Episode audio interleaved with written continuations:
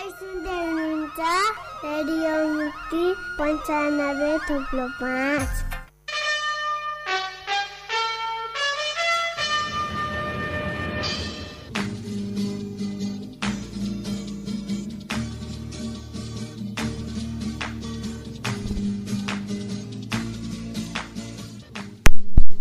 नमस्कार। कार्यक्रम समय सन्दर्भमा तपाईँ सम्पूर्णलाई हार्दिक स्वागत छ। कार्यक्रमसँगै छौं प्राविधिक साथी सीता पौडेल अनि म हुँ कार्यक्रम प्रस्तुता अस्मिना पाण्डे।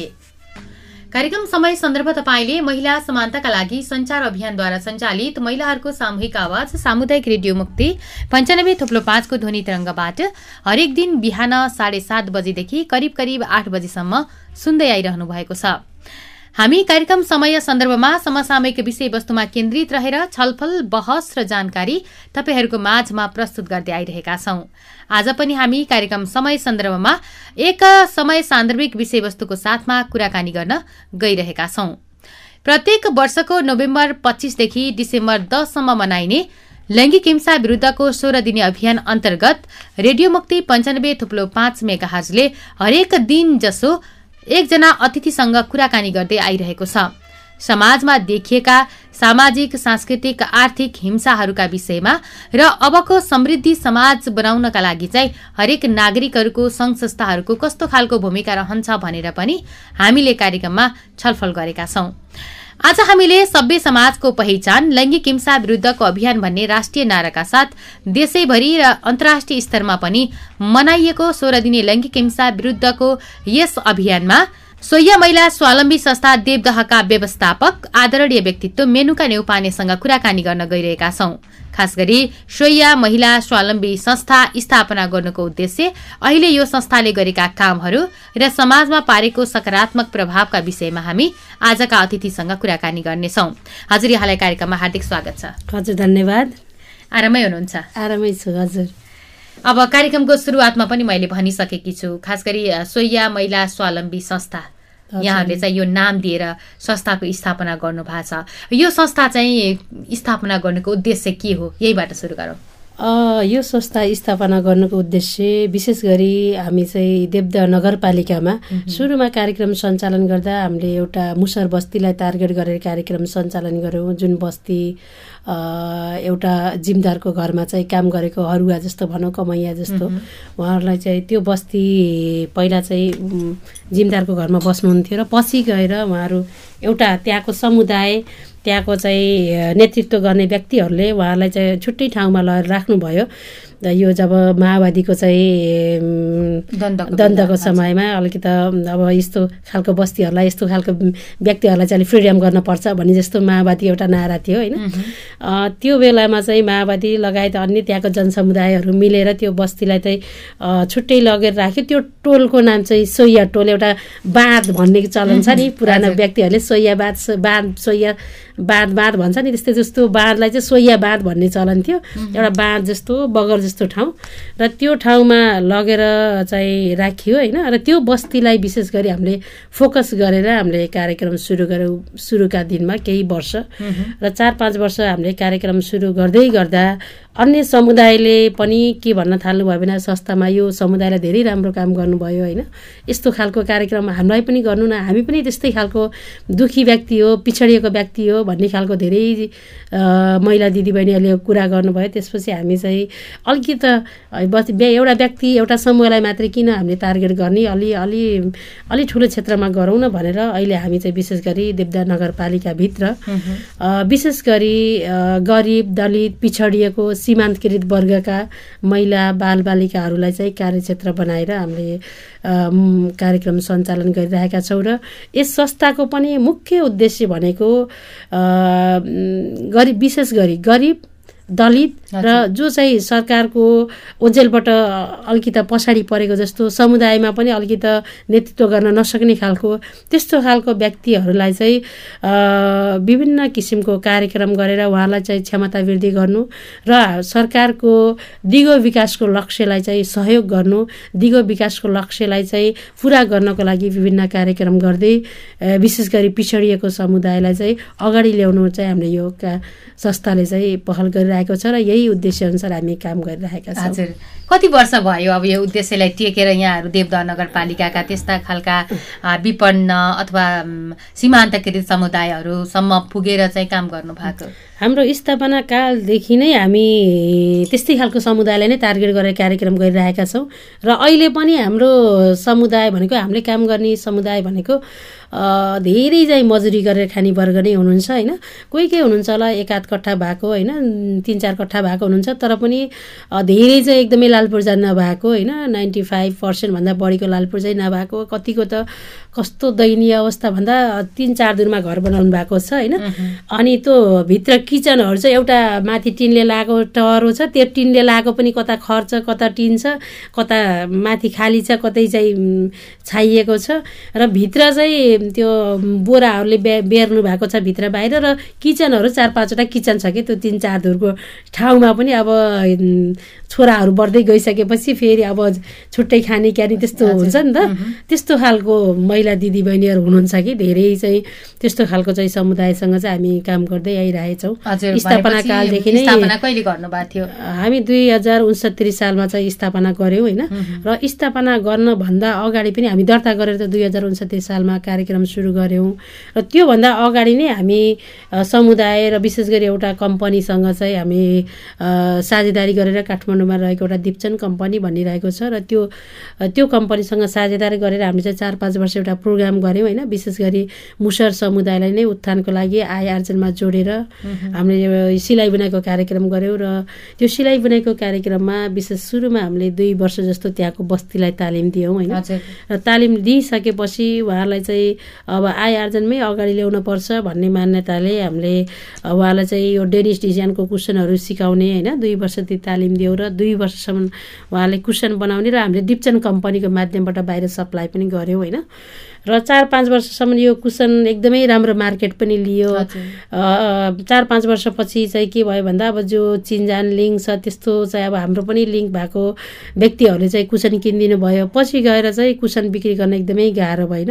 यहाँको चाहिँ त्यो कुसनको लागत ट्रान्सपोर्टेसन सबै जोड्दाखेरि एउटा कुसनको लागत चाहिँ तिन हजार जस्तो पर्ने होइन। र त्यो तिन हजारको कुसन चाहिँ नेपालमा किन्ने मार्केट त कमै छ। अनि हामी बाहिर पठाउने गर्थ्यौँ र बाहिर पनि पहिला उहाँको दिदीहरूको कहानी सुनेर उहाँहरूको कथा व्यथा सुनेर लिने मान्छे त अझै पनि हुनुहुन्छ। अझै पनि हामीले टाइम टाइममा दिदीहरूलाई चाहिँ कुसन बनाउन लगाउँछौँ र बाहिर सप्लाई गरिरहेका छौँ होइन? त्यो जुन पैसा हामीले त्यो दिदीबहिनीहरूलाई चाहिँ अब दिन्छौँ उताबाट आएको पैसा। त्यो कहिलेकाहीँ अझै पनि त्यो दिदीहरूको जुन कथा सुनेर यस्तो भावना बुझेर किनिदिने व्यक्तिहरू अझै पनि हुनुहुन्छ। कहिलेकाहीँ आउँछ मार्केट अब त्यतिखेर हामीले बनाउने पनि गरेका छौँ र तर रेगुलर पहिला जस्तो चार पाँच वर्ष हामी चाहिँ त्यो बस्ती सबै बस्तीलाई नै हामीले प्रत्येक घरको महिला दिदीबहिनीहरू चाहिँ त्यो सिलाइ बुनाइमा आउनुहुन्थ्यो होइन। र सबैजना तिस पैँतिसजना महिला दिदीबहिनीहरूले कुसन बनाउनुहुन्थ्यो डेली त्यस्तो खालको चाहिँ हामी चार पाँच वर्षपछि रेगुलर गर्न सकिएन। र नसकेपछि चाहिँ अब के गर्ने त भन्ने हाम्रो विधिया छलफल भयो होइन? छलफल भइसकेपछि ल अब हामी चाहिँ संस्था दर्ता गऱ्यौँ होइन? दर्ता गरिसकेपछि हामी सरकारबाट पनि केही माग्न सकिएला यस्तो खालको बस्तीहरूलाई यस्तो खालको दुःखमा परेको दिदीबहिनीहरूलाई र अरू व्यक्तिहरूसँग पनि हारगुहार गर्न सकिएला भनेर अनि हामी जब कुसन बिक्री हुन छोड्यो र अनि अब केही त गर्न पर्यो होइन? चार पाँच वर्ष समूह चलायौँ केही गरौँ भनेर अनि त्यसपछि बल्ल हामी दर्ता गर्नतिर लाग्यौँ। हजुर। अवश्य पनि। अब अहिलेसम्म चाहिँ सोया महिला स्वावलम्बी संस्था अ, सँग चाहिँ कति जति नागरिकहरू विभिन्न तालिमहरू होस् अथवा विभिन्न ट्रेनिङहरू विभिन्न स अभिमुखीकरण कार्यक्रमहरूमा चाहिँ कति नागरिकहरूलाई यहाँहरूले जोड्न सक्नुभयो होला? त्यस्तो केही आकलन त्यस्तो आकलन? भन्दा नि हाम्रो कार्यक्रमहरू चाहिँ फरक फरक खालको कार्यक्रम छ होइन? एज एभरेजमा ठ्याक्कै त मोटामोटी नहोला अब मोटामोटी पन्ध्र बिस हजारको एभरेजमा हाम्रो चाहिँ बेनिफिसियरहरू हुनुहुन्छ होइन? विशेष गरी हामी सामुदायिक विद्यालयहरू छन् देवदा नगरपालिकाको जहाँ चाहिँ विशेष गरी गरिब दलित पिछडिएको वर्ग चाहिँ स्कुल जाने गर्नुहुन्छ होइन? त्यस्तो खालको बस्ती त्यस्तो खालको समुदाय जाने स्कुलहरू होइन? सामुदायिक विद्यालयहरूसँग हामी चाहिँ छवटा विद्यालय गुणस्तरीय शिक्षा कार्यक्रम सञ्चालन गरिरहेका छौँ होइन? त्यसै गरी अर्को कार्यक्रम रहेको छ गर्ल फर्स्ट फन्ड कार्यक्रम होइन? र यो कार्यक्रम हामी देवदा नगरपालिकाको पाँचवटा विद्यालयमा सञ्चालन गरिरहेका छौँ होइन? र यी कार्यक्रमहरूमा हामीले विशेष गरी देवदा नगरपालिकाभित्रै विद्यालयभित्रकै अभिभावकहरूलाई चाहिँ हामीले तालिमहरू दिने अभिभावकहरूलाई शिक्षकहरूलाई बालबालिकाहरू होइन सरकारवाला सबैलाई अब त्यो जोड्दाखेरि अब तेह्रवटा दुई पाँचवटा गुड क्वालिटी एजुकेसनको कार्यक्रम र छवटा गल्फर्स प्लस हामी दुईवटा विद्यालयमा विद्यालय खाजा कार्यक्रम पनि चलाइरहेका छौँ होइन? र एउटा विद्यालयमा हाम्रो विद्यालय करेसाबारी कार्यक्रम रहेको छ होइन? यसरी चाहिँ टोटलमा भन्दा तेह्रवटा विद्यालय भनौँ होइन? र टोलो तेह्रवटा विद्यालयमा एभरेजमा कुनै विद्यालयमा आधारभूत लेभलको तिन चार सय हुनुहुन्छ भने अब मावि लेभलको आठ सयदेखि हजारको एभरेजमा हुनुहुन्छ जनसमुदायसँग स्थानीय सरकारसँग हजुर त्यो हजुर त्यो भनौँ भने अब त्योमा चाहिँ सात आठ हजार एभरेजमा होइन। सात आठ हजार स्टुडेन्ट भए पनि अब अभिभावकहरू गर्दाखेरि दस बाह्र हजार पुग्ला होइन। र प्लस हामी चाहिँ महिला दिदीबहिनीहरूसँग पनि प्रोग्राम गरिरहेका छौँ स्थापना कालदेखि नै होइन। र गत वर्ष हामी कोरोनाको टाइममा पनि हामी एक हजार महिला दिदीबहिनीहरूसँग करेसाबारी लगायतका विभिन्न कार्यक्रमहरू गऱ्यौँ होइन? र अहिले पनि महिला दिदीबहिनीहरूसँग हाम्रो विभिन्न कार्यक्रम चलिरहेको छ। र त्यसै गरी हामी समुदायका अन्य किशोरीहरू जुन विद्यालय जाने उमेर भएका अठार वर्षभन्दा कम उमेरका होइन? तर विभिन्न कारणले विद्यालय नजानु भएको किशोरीहरू पनि हुनुहुन्छ। उहाँहरूसँग पनि हामी कार्यक्रम गरिरहेका छौँ होइन? त्यसरी ठ्याक्कै एक्ज्याक्ट त नहोला होइन? तर एभरेजमा चौध पन्ध्र पन्ध्र हजार जस्तो लाग्छ मेरो विचारमा। अवश्य पनि। अब यिनी विभिन्न कार्यक्रमहरू गरिरहँदाखेरि चाहिँ कस्तो खालको तपाईँहरूले चाहिँ प्रतिक्रिया अथवा कस्तो खालको प्रतिफल समाजबाट हामीले पायौँ यो संस्थाबाट हामीले काम गर्दाखेरि चाहिँ यिनी कुराहरूमा चाहिँ सन्तुष्ट लाग्छ भन्ने खालको चाहिँ कस्तो लाग्छ कुरा काम गर्दा मैले हजुरलाई कार्यक्रम वाइज भन्छु होइन? विशेष गरी हामी देवदा नगरपालिकामा सामुदायिक विद्यालयलाई कार्यक्षेत्र बनाएर कार्यक्रम चलाइरहेका छौँ होइन? हामी विद्यालय खाजा कार्यक्रम गरौँ या पेसाबारी कार्यक्रम गरौँ या गुणस्तरीय शिक्षा कार्यक्रम गरौँ या ई पार्टी कार्यक्रम गरौँ होइन? जुनसुकै कार्यक्रम गरे तापनि यो सामुदायिक विद्यालयहरूसँग गरेको हाम्रो कार्यक्रमको मुख्य उद्देश्य भनेको देवदा नगरपालिकामा गुणस्तरीय शिक्षा ल्याउनु मुख्य उद्देश्य रहेको छ होइन? र यस कार्यक्रम अन्तर्गत हामीले देव हाम्रो सोय महिला स्वावलम्बी संस्थाले सञ्चालन गरेका कार्यक्रम माध्यमबाट हामी विशेष गरी चाहिँ यो सीमान्तकृत वर्गका बालबालिकाहरू होइन अभिभावकहरू जुन चाहिँ विद्यालय जाने भन्दा पनि अझ मैले पढाएको पनि दस वर्ष जस्तो अगाडि म एउटा सामुदायिक विद्यालयमा इन्भल्भ थिएँ होइन। त्यतिखेर चाहिँ महिला दिदीबहिनीहरूलाई चाहिँ हामी स्कुल रेगुलर पठाउनु स्कुल जानुभन्दा हाम्रो एकजना दुईजना म्याडमले के भन्नुहुन्थ्यो भन्दा स्कुल जानुहोस् भनेर घरमा चाहिँ गएको म्याडम ढुङ्गाले हानेर यतातिर एउटा घरमा आएर लुकेर हामी चाहिँ आयौँ भनेर भन्नुहुन्थ्यो कि होइन? त्यस्तो खालको समुदाय अझै पनि पढ्न पर्छ भन्ने मेन्टालिटी मेन्टालिटी नभएको समुदाय हुनुहुन्छ क्या अझै पनि। त्यो खालको समुदाय जब त्यो आजभन्दा दस पन्ध्र वर्ष अगाडि ढुङ्गाले हान्ने अभिभावक चाहिँ त बोलाउन आइस मजुरी गऱ्यो भने तिन सय चार सय पाइन्थ्यो त बोलाउन आएर दिनभरि स्कुलमा गएर के पाइन्छ र? भन्ने अभिभावकले अहिले स्कुल रेगुलर पठाउन थाल्नु भएको छ होइन? त्यो ठुलो उपलब्धि जान्छु मैले होइन? अब हुनसक्छ पर्सेन्टेज होइन? अहिले चाहिँ अब प्रतिस्पर्धाको टाइम छ होइन? हन्ड्रेड पर्सेन्ट शत प्रतिशत ल्याउने चाहिँ स्टुडेन्टको चाहिँ माहौल राम्रो छ होइन? यस्तो बजारमा त्यस्तो सुन्न पाइन्छ। तर मैले चाहिँ के भन्छु भन्दा जुन अभिभावकले चाहिँ पन्ध्र वर्ष अगाडि स्कुल गएर के पाइन्छ र मेला गए तिन सय चार सय मजुरी पाइन्छ स्कुल गएर के पाइन्छ र हामी पठाउँदैनौँ भन्नेले अहिले रेगुलर पठाउनुहुन्छ त्यो नै मैले ठुलो उपलब्धि मान्छु होइन? हाम्रो यो शिक्षातर्फको कार्यक्रम समुदाय विद्यालयतर्फको कार्यक्रममध्ये। र अर्को हाम्रो गर्ल फर्स्ट फन्ड प्रोग्राम रहेको छ होइन? यो गर्ल फर्स्ट फन्ड प्रोग्राममा चाहिँ विशेष गरी हामी देवदा नगरपालिकाभित्र चाहिँ बाल विवाह न्यूनीकरण गर्दै विद्यालय जाने उमेर भएका तर विभिन्न कारणले विद्यालय नगएका किशोर किशोरीहरूलाई विद्यालय ल्याउन पर्छ भन्ने मान्यताले कार्यक्रम सञ्चालन गरेका छौँ होइन? र सुरुको वर्षमा हामीले ढाई सयजना जस्तो आकलन चाहिँ गरेका थियौँ विद्या नानीहरू होइन? अठार वर्षभन्दा कम उमेरका। र हामी विशेष कक्षाहरू चलायौँ उहाँहरूलाई चाहिँ होइन? अब सुरुमै कक्षा पढ्न आउने भनेर त पढ्नै मेन्टालिटी नभएको स्टुडेन्ट त आउँदैन। अनि हामी उहाँहरूलाई चाहिँ कहिलेकाहीँ चाहिँ टिकटक बनाउने कहिले चाहिँ एकछिन बोलाउने नचाउने त्यस्तो गर्दा गर्दै उहाँहरूसँग क्लोज हुँदै जा अनि गर्दै गयौँ र पछि नाच्न गाउन भनेपछि उहाँहरू आउनुहुन्थ्यो तर पढ्न भनेर आउनुहुन्थेन होइन? र हामी सुरु सुरुमा उहाँलाई चाहिँ नाच्ने गाउने भनेरै बोलाउँथ्यौँ होइन? अनि पछि पछि नाच्ने गाउने गर्दा गर्दै केही कुराहरू सिकाउने गर्दा गर्दै उहाँलाई चाहिँ पढाइको महत्त्व बुझाउने होइन? काउन्सिलिङ गर्दा गर्दै हामी चाहिँ गत वर्ष पनि हामी साठीजना जस्तो चाहिँ हामी भर्ना गर्न सफल भयौँ होइन?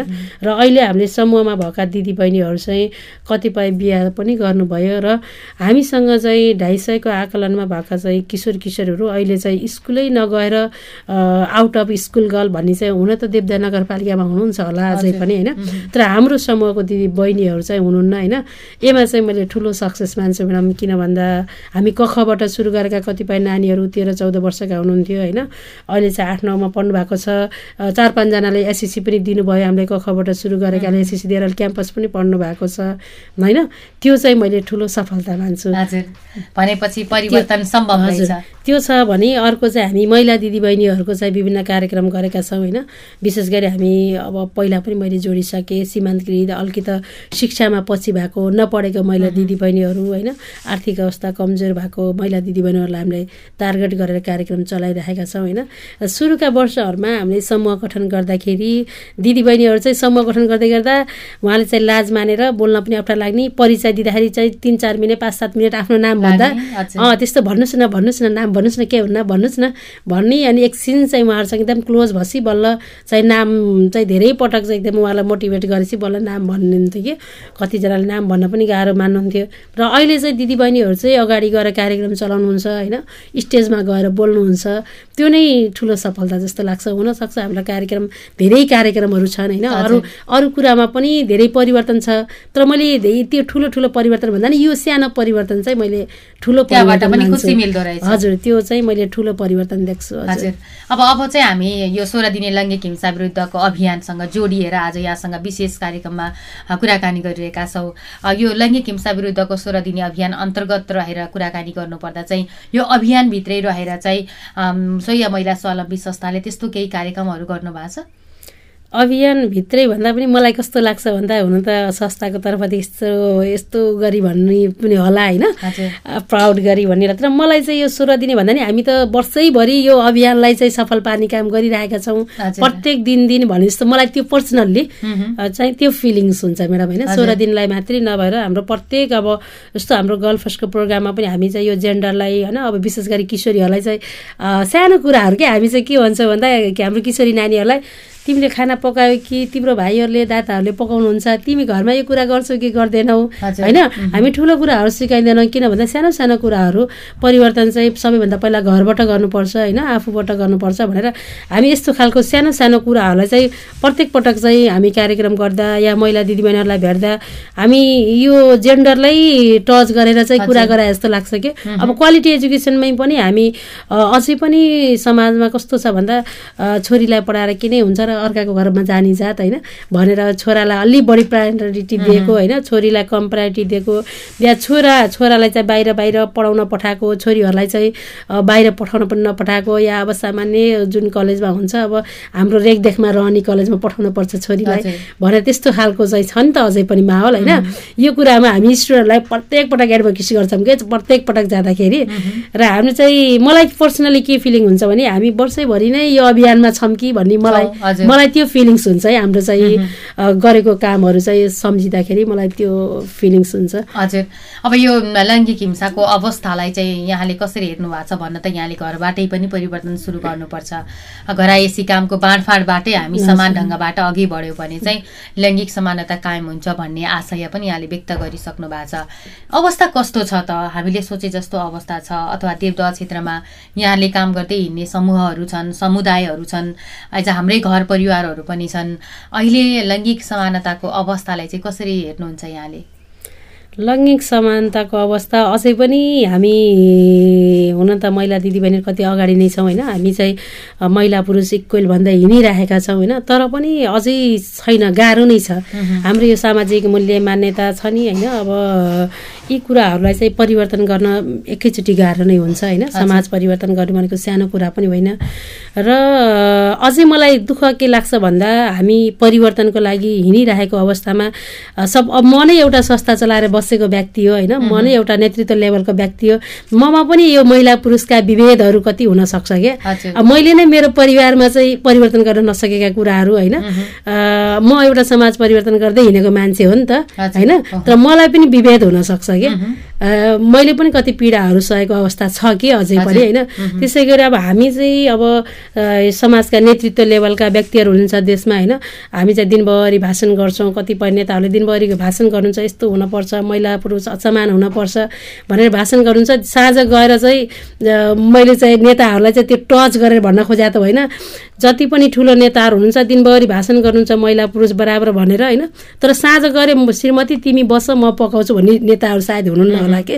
तर त्यो ठुलो कुरा त होइन नि त। हुन सानो तर त्यो सानो पनि परिवर्तन भनेको सानोबाटै हुने यो ठुलो एकैचोटि हुँदैन भन्ने मेरो सोचाइ कि होइन। त्यसले गर्दा यो परिवर्तन हुन गाह्रो नै छ होइन? र अझै पनि यो भर्खरै हुनेवाला पनि छैन भन्छु मैले होइन। किनभने अब पहिल्यैदेखि चलिआएको मूल्य मान्यता अ, लाई चाहिँ एकैचोटि परिवर्तन गराउन गाह्रो छ नि त। त्यसले गर्दाखेरि हामी चाहिँ परिवर्तन अझै महिला दिदीबहिनीहरूलाई हामी अवेरनेस गर्नुपर्छ होइन। र यो अधिकारका कुराहरू परिवर्तन गर्नुपर्छ भनेर हामी विशेष गरी स्वयं महिला स्वावलम्बी संस्थाले पनि सबै क्षेत्रमा यो महिला बाको क्षेत्रमा बालबालिका क्षेत्रमा सबै क्षेत्रमा हामीले अधिकारको कुरा गर्छौँ कि? उहाँलाई चाहिँ हेर्न है अधिकार यो हजुर चाहिँ यसमा अब्बल हुनुपर्छ। यो अधिकारमा हजुर चाहिँ एकदमै मेरो अधिकार यो हजुरलाई चाहिँ घरमा या परिवारमा समुदायमा केही कुरामा डोमिनेसन छ। हजुर त्यस्तो सहनु भएको छ नि मेरो अधिकार यो है भनेर औला उठाउनुपर्छ। भनिराख्छौँ कि? यो अधिकारको कुराहरूलाई चाहिँ हामीले पल पल उहाँलाई चाहिँ जोडिराख्छौँ होइन। र परिवर्तन चाहिँ अझै पनि गाह्रो नै छ भन्छु मेरो विचारमा होइन। किन गाह्रो छ भन्दाखेरि हामी गाह्रो अझै यो सीमान्तकृत वर्गका होइन पिछडिएको वर्गमा त गाह्रो अवश्य होइन। अवश्य नै हुने भयो किन चेतनाको कमीले। र हामी यो जुन शिक्षित वर्ग छौँ होइन हामी जान्ने सुन्ने बुझ्ने भन्ने छौँ नि उहाँहरूबाट पनि डोमिनेसनको भावना चाहिँ अझै समाप्त हुन सकेन के? उहाँहरूले नै यो इक्वेलिटी भन्दा हिँड्ने तर इक्वेलिटीको मनबाट आएन के? त्यसले गर्दा परिवर्तन चाहिँ गाह्रो छ अझै पनि गाह्रो छ भन्छु मैले। अब अलिकति घरमा चाहिँ परिवारमा जस्तो महिला महिला बीच र पुरुष पुरुष बीचको पनि कस्तो खालको समन्वय सहयोग होइन? कस्तो कस्तो कुराहरूमा चाहिँ सहयोग गर्यो भने चाहिँ दुवैजना बाहिर गएर काम गरेर आउने आउन सक्ने अवस्था अथवा घरमा बसिरहेकोले फेरि रोजगारी रोजगारमा गएर फेरि आउने अवस्था चाहिँ हुन सक्थ्यो होला। कस्तो भूमिका भइदिनुपर्छ परिवारको चाहिँ? मलाई कस्तो लाग्छ भन्दा मैले मेरै इक्जाम्पल जोड्छु है त है अरूको भन्दा नि मेरो पनि सर चाहिँ बिहान पाँच बजे कलेज जानुहुन्छ होइन। तिनवटा सिफ्ट पढाउनुहुन्छ राति आठ बजी आउनुहुन्छ होइन। म पनि जब होल्डर हो एज अ प्रमुख होइन संस्थाको तर्फदेखि म प्रमुख हो। मैले पनि दिनभरि संस्थालाई टाइम दिन पर्ने हुन्छ होइन। कहिलेकाहीँ राति आठ बजे नौ बजीसम्म काम गरिरहेको हुन्छु क्या अफिसमा होइन। म नै प्रमुख भएपछि अफिसको लागि चाहिँ आवश्यक पऱ्यो भने त मैले जतिखेर पनि टाइम दिन पऱ्यो नि त बिहानदेखि रातिसम्म जतिखेर पनि म एज अ लिडर भएको नाताले चाहिँ मैले मसँग टाइम छैन भन्नु त मिलेन नि त होइन? तर मलाई कस्तो लाग्छ भने म एज अ लिडर हुँदै गर्दा मेरो अफिसको जिम्मेवारी अर्को ठाउँ एक ठाउँमा छँदैछ होइन? र मेरो नानीहरू छ दुईवटा नानी होइन? अनि मलाई कहिलेकाहीँ के लाग्छ भन्दा म चाहिँ एउटा संस्थाको प्रमुख पनि हो संस्था चलाइरहेको छु मैले संस्थालाई टाइम पनि दिनुपर्छ टाइम दिइराखेको पनि छु। त्यो गर्दै गर्दा मेरो नानीहरू छन् होइन? एउटा नानी चाहिँ वानमा पढ्छ एउटा नानी भर्खरै दस महिनाको छ होइन? हेर्ने एकजना त राखेको छु। तर पनि त्यो दुईवटा नानीहरूलाई साँझ बिहान खुवाउने घरको चाहिँ सम्पूर्ण जिम्मेवारी चाहिँ मैले नै गरे हुन्छ कि? मेरो सरले चाहिँ चाहिँ उहाँलाई चाहिँ मेरो होइन जस्तो हुन त अब गर्नु होला आफ्नो ठाउँमा छ उहाँ पनि बिजी हुनुहुन्छ होइन। तर त्यो म जाने बित्तिकै अब किचनमा पस्ने नानीहरूलाई के छ कसो छ मैले नै मलाई चासो पर्छ के? सर चाहिँ ल सर यसो गर्नु भन्यो भने चाहिँ गर्नुहुन्छ न त भने जे होस् अब। तर जिम्मेवारी त उहाँको पनि हो नि त होइन? नानीहरू हुर्काउने अब घरमा चाहिँ गर्ने किन म पनि जब होल्डर म दिनभरि घरमा बसेको भए त ठिक छ म घरमा खाली छु मैले गर्नुपर्छ भन्ने मसँग भावना हुन्थ्यो होला होइन? फेरि हामी यो अधिकारमा काम गर्ने मान्छे सबैलाई इक्वेलिटी भन्दै हिँड्ने मान्छेलाई यो यो कुरालाई एकदमै पिन्च हुने रहेछ क्या होइन? अनि हाम्रो चाहिँ कहिले के चाहिँ हामी दुईजनाको डिस्कस पर्छ क्या? अरू कुरामा केही कुरामा पर्दैन है। यो इक्वेलिटीको कुरामा चाहिँ। अलिक कहिले काहीँ चाहिँ सोध्छु बिहान बिहान पाँच बजी उठेर जानुभएको छ राति आठ नौ बजी आउनुहुन्छ। उहाँलाई पनि मैले सघ्नुहरू कसले गर्ने भन्ने फिलिङ्स हुन्छ होइन? अनि कहिले काहीँ फेरि के सोध्छु भन्दा समाज परिवर्तन भन्दै हिँडेको छ। मैले घर परिवर्तन गर्न सकेको छैन। कसरी हुन्छ समाज परिवर्तन? यस्तो फिलिङ्स आउँछ क्या। यो यो चाहिँ मलाई कस्तो लाग्छ भन्दा हामी महिलाहरूलाई चाहिँ एकदमै यो मूल्य मान्यता अनुसार एकदमै बोध छ कि? होइन? जुन जब चाहिँ यो अनम्यारिड छौँ होइन? लेडिजहरू चाहिँ अनम्यारिड हुनुहुन्छ उहाँहरू चाहिँ आमा बुवाको काखमा हुँदाखेरि अलिकति फ्रिडम जस्तो। होइन? अनि आमा बुवाहरूले पनि त्यस्तो एकदमै हाम्रो जिम्मेवारी छोरी हुँदाको जिम्मेवारी र बुहारी हुँदाको जिम्मेवारी धेरै फरक छ नि त सोसाइटीमा होइन। र छोरी हुँदाखेरि चाहिँ जुन तरिकाले चाहिँ हुर्किराखेको हुन्छ जुन माहौल माहौलमा हुन्छ होइन। त्यो बुहारी भइसकेपछि टोटली डिफ्रेन्स के पुरै परिवर्तन हुने होइन। अब दिनभरि जब गरेर आएको बुहारी भए पनि साँझ बिहान घर परिवार सम्हाल्ने छोराछोरी सम्हाल्ने खाना पकाउने होइन। एउटा काम त घरको धेरै हुन्छ नि त। त्यो सबै सम्हालेर चाहिँ जब गएको हुन्छ कि लेडिज भनौँ या महिला भनौँ होइन। र दिनभरि अफिसमा त्यस्तै खालको टर्चर हुन्छ होइन। अफिसमा पनि त काम गर्नै पर्ने हुन्छ नि त। अब एउटै घरमा पुरुष छ भने चाहिँ ऊ अफिस आएर दिनभरि घरमा बसेर अफिस जाने गर्छ कि होइन। घरप्रति कुनै जिम्मेवारी हुँदैन कुनै होला आर्थिक रूपमा होला तर परिवारमा चाहिँ गर्न पर्ने बिहानदेखि रातिसम्मको कामहरू। खाना पकाउनेदेखि लिएर। भाँडा माझ्ने लुगा धुनेहरू कामहरू पनि त अँ, काम हो नि त्यो काम हो नि त काम हो तर एउटा महिलाको लागि ती काम चाहिँ इनफ हुन्छ कि दिनभरि चाहिँ गऱ्यो भने तर त्यसको मूल्य त हुँदैन के परिवारमा विशेष गरी चाहिँ कतिपय महिला दिदीबहिनीहरू घरमा बसेको महिला दिदी बहिनीहरू हुनुहुन्छ नि त उहाँहरू चाहिँ बिहानदेखि साँझसम्म चाहिँ दिनभरि आफ्नो बालबच्चाहरू हेर्ने खाना पकाउने भाँडा धुने कपडा धुने घर सफा गर्ने उहाँहरूलाई एक मिनट फुर्सद हुँदैन कि कति महिला दिदीबहिनीहरू जो जो हुनुहुन्छ घरमा। अनि साँझ चाहिँ श्रीमान आएर तैँले के गरिस् र भने जस्तो पनि आरोप गर्नुहुन्छ कि होइन? अब त्यहाँनिर कति पीडा हुन्छ होइन? दिनभरि बसेको चाहिँ जिम्मेवारी चाहिँ चाहिँ बोध गर्नुहुन्न होइन? मैले चाहिँ मेरो श्रीमतीले यस्तो परिवार हुर्काएको छ मेरो छोराछोरी हुर्काएको छ होइन? त्योमा गर्व गर्न पर्ने हो नि त। तिमीलाई चाहिँ केही अप्ठ्यारो इभन अझै कतिपय महिला दिदीबहिनीमा पीडा के हुन्छ भन्दाखेरि सधैँ त्यो डेली गर्ने काम त गरिरहेको हुन्छ कहिलेकाहीँ बिरामी हुने होइन नसक्ने अवस्था हुन्छ नि त्यतिखेर समेत सहयोग हुँदैन क्या पुरुषको। त्यहाँनिर धेरै महिला दिदीबहिनीको गुनासो पीडा चाहिँ त्यहाँनिर हुँदो रहेछ कि। होइन अब सधैँ गरिराखेको साँझ बिहानको काम सधैँ गरिरहेको हुन्छ कहिलेकाहीँ बिरामी हुँदा नसक्दा त मलाई सहयोग गर्दै हुन्थ्यो नि भन्ने एक्सपेक्टेसन हुन्छ नि त। त्यो अवस्थामा पनि पुरुषहरू चाहिँ अलिकति होइन यो जिम्मेवारी त मेरो होइन उसैको हो। भरा जस्तो हुने कि अब त्यहाँनिर चाहिँ अलिकति गाह्रो होइन एकदमै गाह्रो। र यो यो गाह्रो चाहिँ हटाउन अझै गाह्रो छ कि। एकदमै जरुरी। यो चाहिँ एकदमै जरुरी पनि हो र यो अब यो नीतिमै कता राख्ने भन्ने पनि सायद नमिल्ने होला होइन। यो सरकारले पनि यो घर परिवर्तन गर्ने नीति कसरी हुन्छ त्यो एउटा ल्याइदियो हुन्थ्यो। जबसम्म यो घर परिवर्तन हुन्न होइन? यो काम बाँडफाँडको कुरामा चाहिँ हुँदैन। तबसम्म चाहिँ यो विभेद चाहिँ समाप्त हुन अझै गाह्रो छ जस्तो लाग्छ मलाई। अवश्य पनि एकदमै व्यवहारिक र दैनिक जीवनमा सबै दिदी बहिनीहरूले चाहे कामकाजी महिलाहरू हो चाहे चाहिँ घरको मात्रै काम गर्ने महिलाहरू हो सबै महिला दिदी बहिनीहरूलाई चाहिँ परेको यही नै छ। अब सामान्य परिवारमा हेर्दाखेरि चाहिँ सामान्य झगडा होला आज होला भोलि फेरि मिल्नु होला अलि सम्भ्रान्त परिवारमा इज्जत जोगाउने कारणले गर्दा पनि एकदमै भित्रभित्र महिलाहरू कुम्सिरहनु भएको अवस्था पनि छ। त्यो दिदी बहिनीहरूले चाहिँ बाहिर खुलेर बोल्न पनि नसक्ने र आफू बाहिर पनि निस्किन नसक्ने अवस्था पनि छ। हामी यही विषयमा दिनहुँ जसो कुराकानी तपाईँहरूको माझमा गरिरहेका छौँ। आज पनि हामी सोह्र दिने लैङ्गिक हिंसा विरुद्धको अभियान अन्तर्गत यिनी अभियानहरू हामीले चाहिँ निरन्तर चलाइरहनु पर्दछ।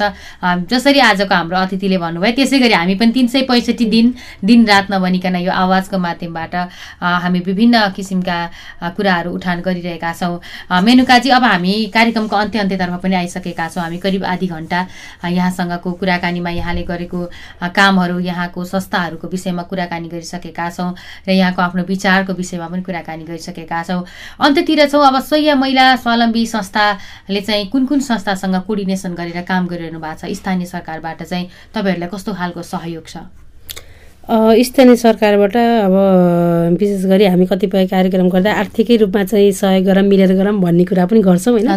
त्यस्तो साह्रै आर्थिक रूपमा चाहिँ अब कहिलेकाहीँ चाहिँ चालिस हजार पचास हजार होइन एक लाखसम्म सामान्य चाहिँ आर्थिक रूपमा चाहिँ सहयोग चाहिँ गर्नुभएको छ ठुलो ठुलो सहयोग त छैन। तर पनि उहाँहरूले चाहिँ हामीले गरेको कामहरूको मूल्याङ्कन एकदमै छ नि। अ, उहाँहरूले चाहिँ प्रत्येक पटक चाहिँ हाम्रो सरकारले गर्नुपर्ने काम हजुरहरूले गर्नुभएको छ होइन?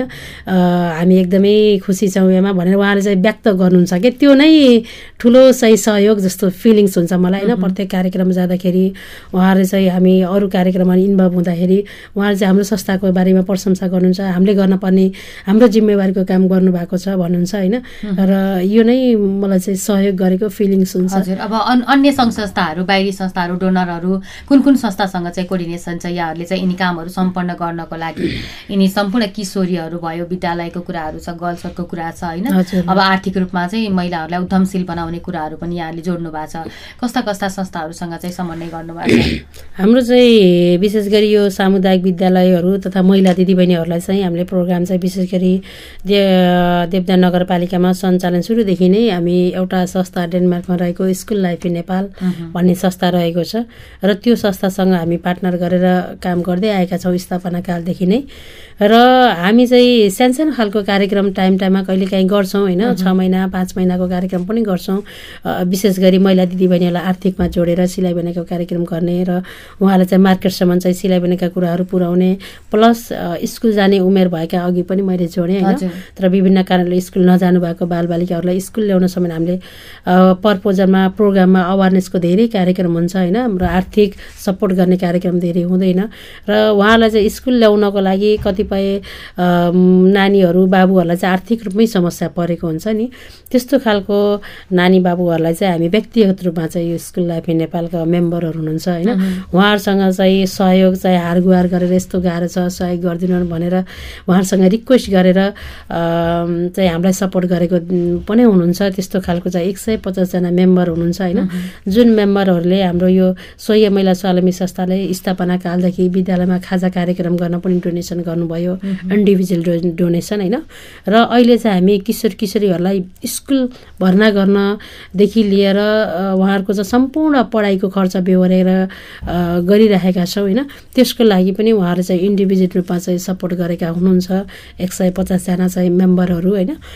भने अर्को कार्यक्रम रहेको छ गर्ल फर्स्ट फन्ड प्रोग्राम होइन?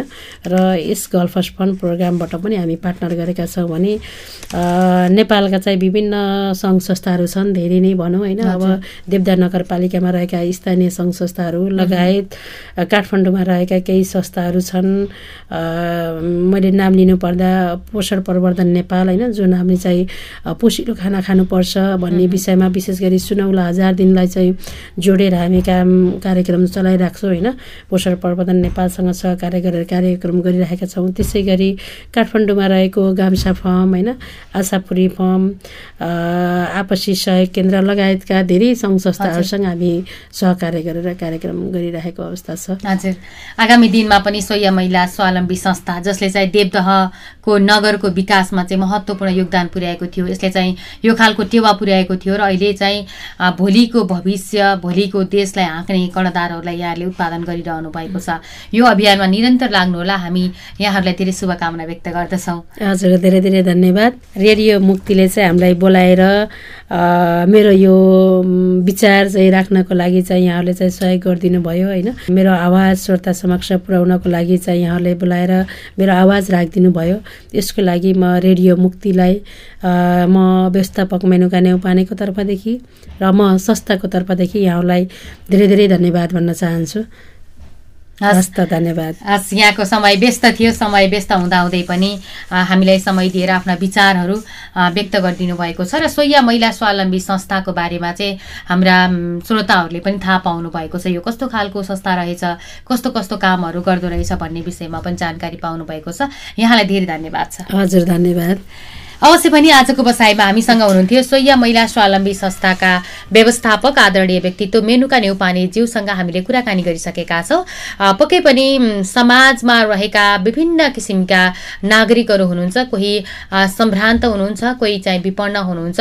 सबै नागरिकहरूको समान अधिकार छ सबै नागरिकहरूको यो देशमा उत्तिकै सम्मान हुनुपर्दछ भन्ने उद्देश्यले यस्ता खालका सङ्घ संस्थाहरूले राज्यलाई पनि सहयोग गरिरहेका छन् भने यस्ता खालका सङ्घ संस्थाहरूले ल्याएका कार्यक्रमहरूले परियोजना योजनाहरूले त्यहाँभित्रका उद्यमशीलताका कुराहरूले गर्दा त्यो समुदाय त्यहाँका नागरिकहरूमा पनि निकै ठुलो सकारात्मक सन्देश र त्यहाँभित्र चेतनाका कुराहरू पनि बाहिर देखिने गरेका छन् जसले गर्दा ती नागरिकहरूले भोलि आफ्नो दैनिक जनजीवनलाई सहजै रूपमा चाहिँ अगाडि बढाउन सफल भएका उदाहरणहरू हामीले देखेका पनि छौँ। तिनै मध्येको संस्था स्वयं महिला स्वावलम्बी संस्थाका व्यवस्थापकसँग आज हामीले कुराकानी गरेका हौँ। आजको कुराकानी तपाईँहरूलाई कस्तो लाग्यो जस्तो लाग्छ त्यस्तै सल्लाह सुझाव प्रतिक्रिया हामी हामीलाई दिनुहोला हामी सल्लाह सुझाव प्रतिक्रियालाई सकारात्मक रूपमा लिँदै कार्यक्रमलाई परिमार्जन गर्दै त्यस्तै खालका अतिथिहरूसँग त्यस्तै सफल व्यक्तिहरूसँग पनि कुराकानी गर्दै अगाडि बढ्नेछौँ भन्दै आजको कार्यक्रमको अतिथिलाई धन्यवाद। तपाईँ सम्पूर्णलाई धन्यवाद दिँदै प्राविधिक साथी सीता पौडेल र म अस्मिना पाण्डे